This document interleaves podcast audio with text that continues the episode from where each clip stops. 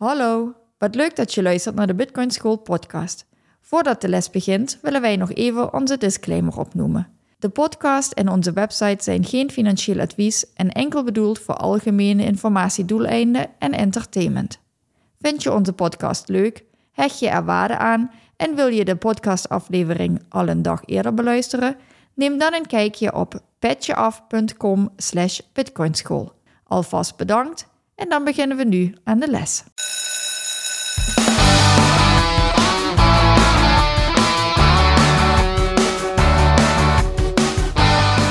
En welkom bij de Bitcoin School podcast. In deze podcast willen we jullie de wereld van Bitcoin dichterbij brengen.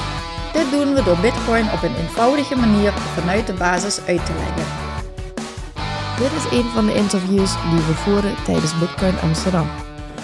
Yes, en we zijn, uh, we zijn terug met Ben is hier aan de microfoon. Ben, jij uh, um, bent op dit moment bezig met een soort van, niet helemaal lobby, maar je bent in Zuid-Amerika ben je bezig, in Latijns-Amerika ben je bezig om bitcoin aan de man te, te, krijgen.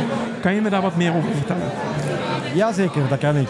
Um, ik werk uh, voor een, ik maak deel uit van een bedrijf dat noemt Gen 3. Ja? Jan 3 zeg maar, of januari 3. Ja. Uh, en dat staat voor de datum waarop de Genesis-blok Genesis -blok. van Bitcoin gelanceerd werd. Ja.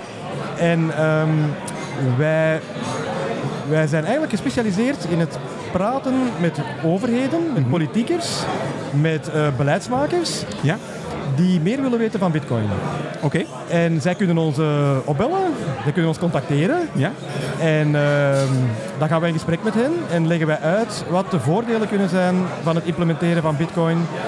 Zoals bijvoorbeeld El Salvador dat gedaan heeft. Hebben jullie uh, daar een aandeel in gehad bij El Salvador? Ja, absoluut. Want okay. onze CEO, Samson Mao, ja? die was eigenlijk een van de eerste om naar El Salvador te gaan. Ja? En om daar met president Bukele te spreken. Oké. Okay. En om hem te overtuigen van dit uh, te doen. Dus ja, Samson heeft daar een heel belangrijk aandeel in eigenlijk. Ja, en inmiddels weten we dat El Salvador het eerste land ter wereld is geweest wat een Bitcoin-standaard geadopteerd heeft. En daar een, uh, de Chivo wallet, een Lightning wallet heeft ge geïmplementeerd. Jullie zijn zelf ook bezig met het ontwikkelen van software. Ja. Dus naast het uh, politieke debat wat jullie voeren, zijn jullie ook software aan het ontwikkelen, toch? Ja, dat klopt. Dat klopt helemaal. Wij uh, ontwikkelen Aqua Wallet. Oké. Okay. En Aqua Wallet is eigenlijk een wallet die vroeger ontwikkeld is bij Blockstream. Ja. Maar Samson Mao heeft vijf jaar gewerkt bij Blockstream. Oké. Okay. En toen hij zijn eigen bedrijf wilde starten, dan heeft hij eigenlijk de ontwikkeling van die wallet mogen meenemen. Oké. Okay. En die wallet zijn we nu aan het verder uitbouwen om daar een heel gebruiksvriendelijke wallet van te maken. Mm -hmm. Met de eigenschappen die nodig zijn in landen zoals uh, emerging markets, uh, zoals Lat Latijns-Amerika ja. en uh, Afrika. Oké. Okay.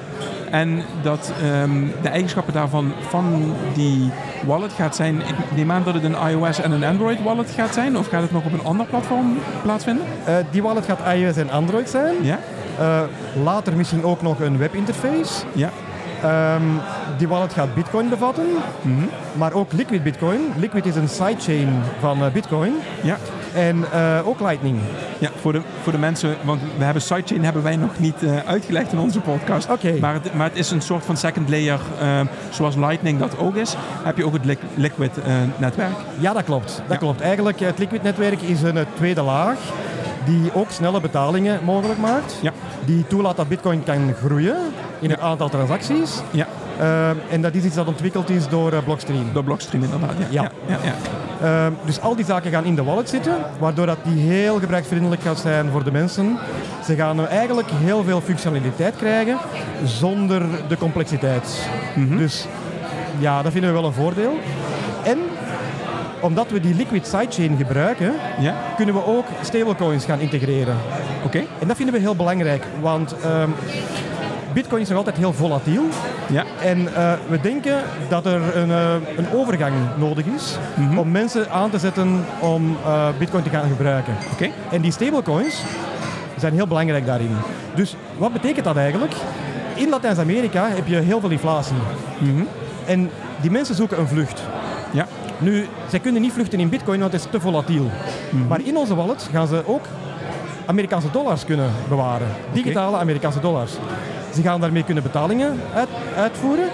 Maar ze gaan die ook kunnen omzetten in bitcoin als ze lang, op lange termijn willen sparen. En dat kan binnen de app zelf dan? En dat gaat allemaal binnen de app kunnen. Oké. Ja, dit is wel heel erg interessant. Ehm, eh, en zeker voor landen zoals ja, eh, emerging markets.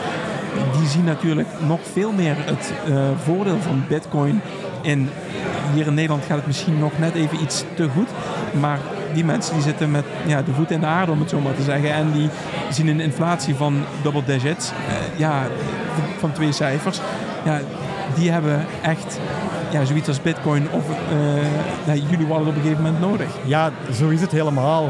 Die mensen hebben gigantische inflatieproblemen. Maar ook in Europa, wij zijn natuurlijk bedorven wat betreft de betalingsmogelijkheden. Iedereen heeft een bankrekening in Europa, iedereen ja. heeft PayPal, weet ik veel. Ja. Maar ginder niet. Er zijn gewoon heel veel mensen die nog altijd geen bank hebben. En um, als die nu een app in de hand kunnen hebben op hun Android-telefoon, waarmee dat ze hun eigen financiën kunnen beheren, waarmee dat ze zowel bitcoin als dollar kunnen hebben, betalingen kunnen uitvoeren, dan denk ik dat dat een heel eh, powerful, een heel eh, krachtig middel is om eh, aan die mensen te geven. Ja, wat, wat, wat gaaf om te horen.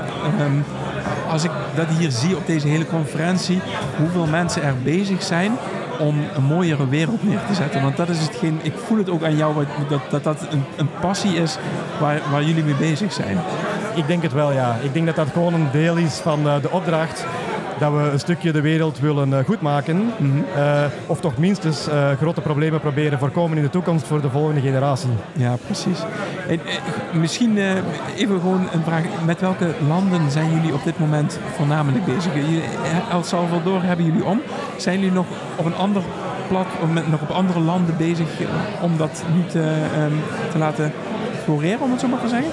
Wij wij praten met verschillende politiekers in uh, landen, uh, onder andere Costa Rica, Mexico, um, Suriname. Oké.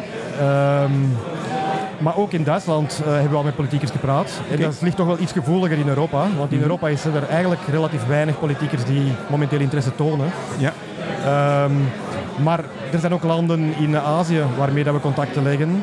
En het zal allemaal waarschijnlijk nog wel even duren. Ik denk niet dat er zeer snel een tweede land gaat komen mm -hmm. dat hetzelfde gaat doen als El Salvador. Ja. Ik denk dat wat El Salvador gedaan heeft ook redelijk ver gaat. Mm -hmm. Zij hebben bitcoin als legal tender, dus als legaal betaalmiddel gemaakt. En ik denk niet dat er heel veel landen dat snel willen gaan doen. Mm -hmm. Maar er zijn wel landen die nadenken over uh, de toekomst, de financiële toekomst van hun land. Ja. En hoe bitcoin daar toch een rol kan in spelen. En hoe ze toch op een of andere manier het gebruik van die bitcoin kunnen stimuleren. Ja, en bepaalde reserves in bitcoin houden in plaats Mogelijk van in, andere um, goederen. In, ja. ja, absoluut. Dat kan ook. Ja, precies. Oké. Okay. Um, uh, Ben, dankjewel dat je uh, in ieder geval bij onze podcastboot eventjes voorbij uh, wilde komen en hierover wilt vertellen. Um, hartstikke bedankt. Ja, jullie zijn bedankt. Heel graag gedaan. Oké, okay, goed.